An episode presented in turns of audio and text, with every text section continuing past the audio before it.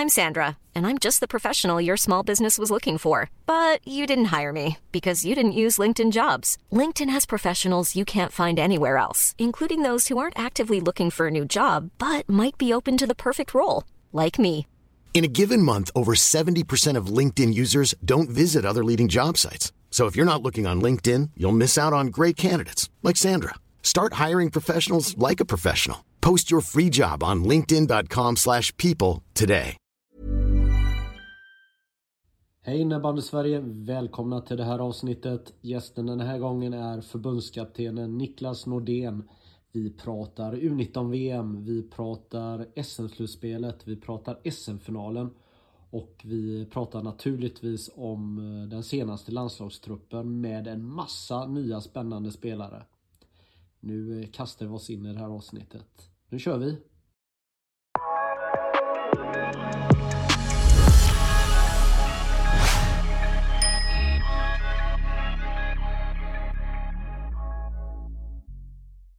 Ja, då har eh, jag tänkt göra världen lite bättre tillsammans med, eh, eller hjälp med, eh, av Niklas Nordén, svensk förbundskapten för herrlandslaget. Välkommen tillbaka!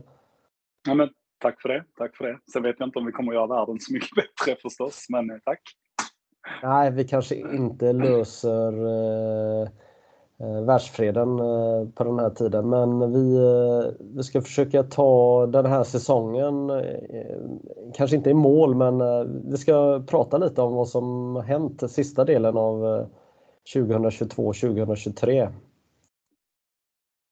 Frågan är var vi ska börja någonstans.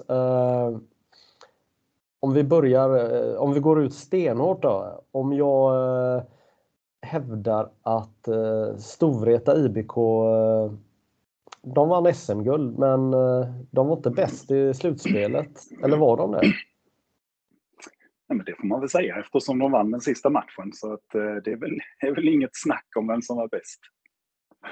Ja, men är det så enkelt? Eh, för det var någonting med några dagar distans till, till slutspelet så känns det som oj, vad var det som hände? Vad, vänta nu. Eh, det här var ju inte upplagt för att det var Storvretas år eh, egentligen, eller? Nej, de, där, där kan jag dock hålla med dig. Jag tycker att Storvreta lyckades ju ja, men, med bästa möjliga resultat utifrån resurser, möjligheter och ja, men, förutsättningar överlag. Så, så gör de ju det fantastiskt bra. Och, och de toppar ju sin prestation i finalen får man väl nästan säga. Ehm, det är Falun som har har mycket av spelet med Storvreta som, som gör målet och eh, försvarar sig kraftfullt. Eh, men det var ju, en, det var ju en otroligt, ett otroligt häftigt slutspel här, eh, den här omgången tycker jag med, med sju matcher i semifinalserien på båda, eh, på båda två hållen. Så att, eh, jätte, jätteroligt. Det var uppstickare som, som Pixbo. Det var, det var helt tajt mellan Växjö och Storvreta och Falun som då någonstans alla trodde skulle ta det till sist. Så att, eh, det har varit ett, eh, jag tyckte det var ett helt underbart slutspel.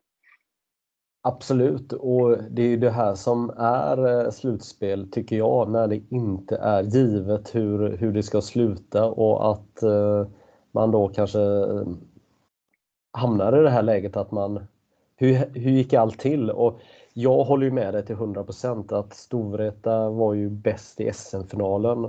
Och det gäller ju att ta sig dit. Och, och, då är man ju värdiga vinnare, absolut. Men eh, Storvreta kunde ju lika väl eh, rykt i kvartsfinalen och de kunde ju rykt i semifinalen också. Jag menar man hämtar upp eh, ett underläge och vinner match 7 i semifinalserien.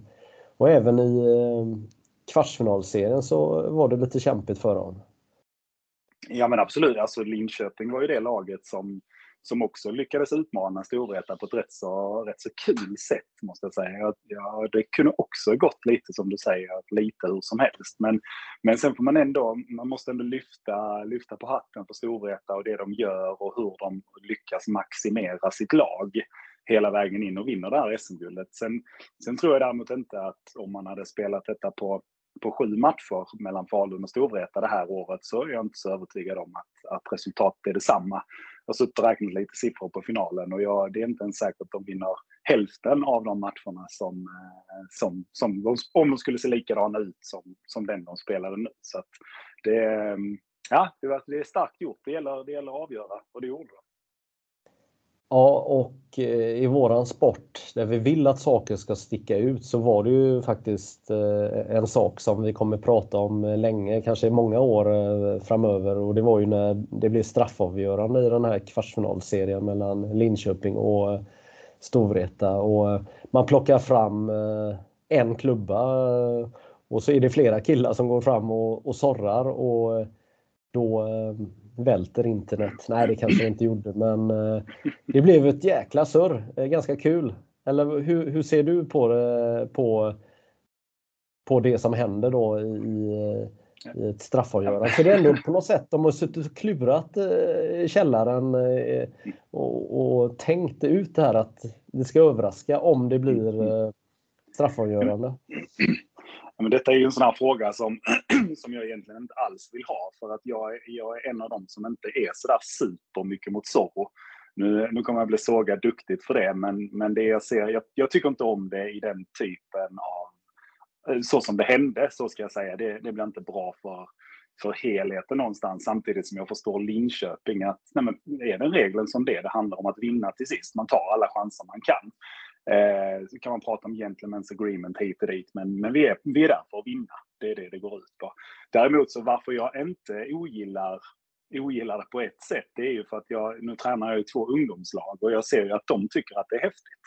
Eh, vilket kan upplevas både konstigt och eh, märkligt på, på många sätt. Men, men de, de går ju faktiskt hemma och tränar på det här. Jag säger inte att de bara tränar på på Zorro-saker. Men det de gör är att de plockar fram sin klubba, de hookar sin klubba, eh, vinklar bladet så som de vill ha det, testar olika saker. Det behöver inte vara Zorro, men jag tror faktiskt att det kan bidra till att fler ungdomar tar fram sina klubbor i hallen och i köket. Eh, så, så sett ur ett spelarutvecklingsperspektiv så, så måste jag säga att, för det här blir en viral grej också. Eh, så att på det sättet tycker jag att, att det är bra och Linköping kan jag förstå. Sen, sen såklart så blir det lite så här, okej, okay, alla använder samma klubba nu. Hur enkelt är det här? Eh, och det var ju någon, någon, spelare jag pratade med i, i vårt landslag som sa, ja men jag lär mig det på en kvart, sa han. Sen så, så gör jag likadant. Och det är klart att då är det inte, då bygger vi inte det på skicklighet längre, utan då bygger vi det på eh, på materialet mer än skicklighet. Så att jag, jag hoppas att, eh, att det kommer en regel för det. Sen tycker jag det är roligt att se frislagsvarianter med Zorro. Jag tycker det är roligt att Eh, och få se ja, men även golfzoron som, där folk kan utnyttja det på ett häftigt sätt eh, och vinna tid för sig. Så, så jag, är, jag är extremt dubbel, men jag kan också se fördelarna ur ett spelarutvecklingsperspektiv. Vill du fortsätta lyssna på hela avsnittet? Det kan du göra som Innebandymagasinet Plus-medlem. Logga in på innebandymagasinet.se Hi, this is Craig Robinson from Ways to Win, and support for this podcast comes from Invesco QQQ, the official ETF of the NCAA. The future isn't scary, not realizing its potential, however, could be. Just like on the recruiting trail, I've seen potential come in many forms as a coach. Learn more at Invesco.com slash QQQ. Let's rethink possibility. Invesco Distributors, Inc.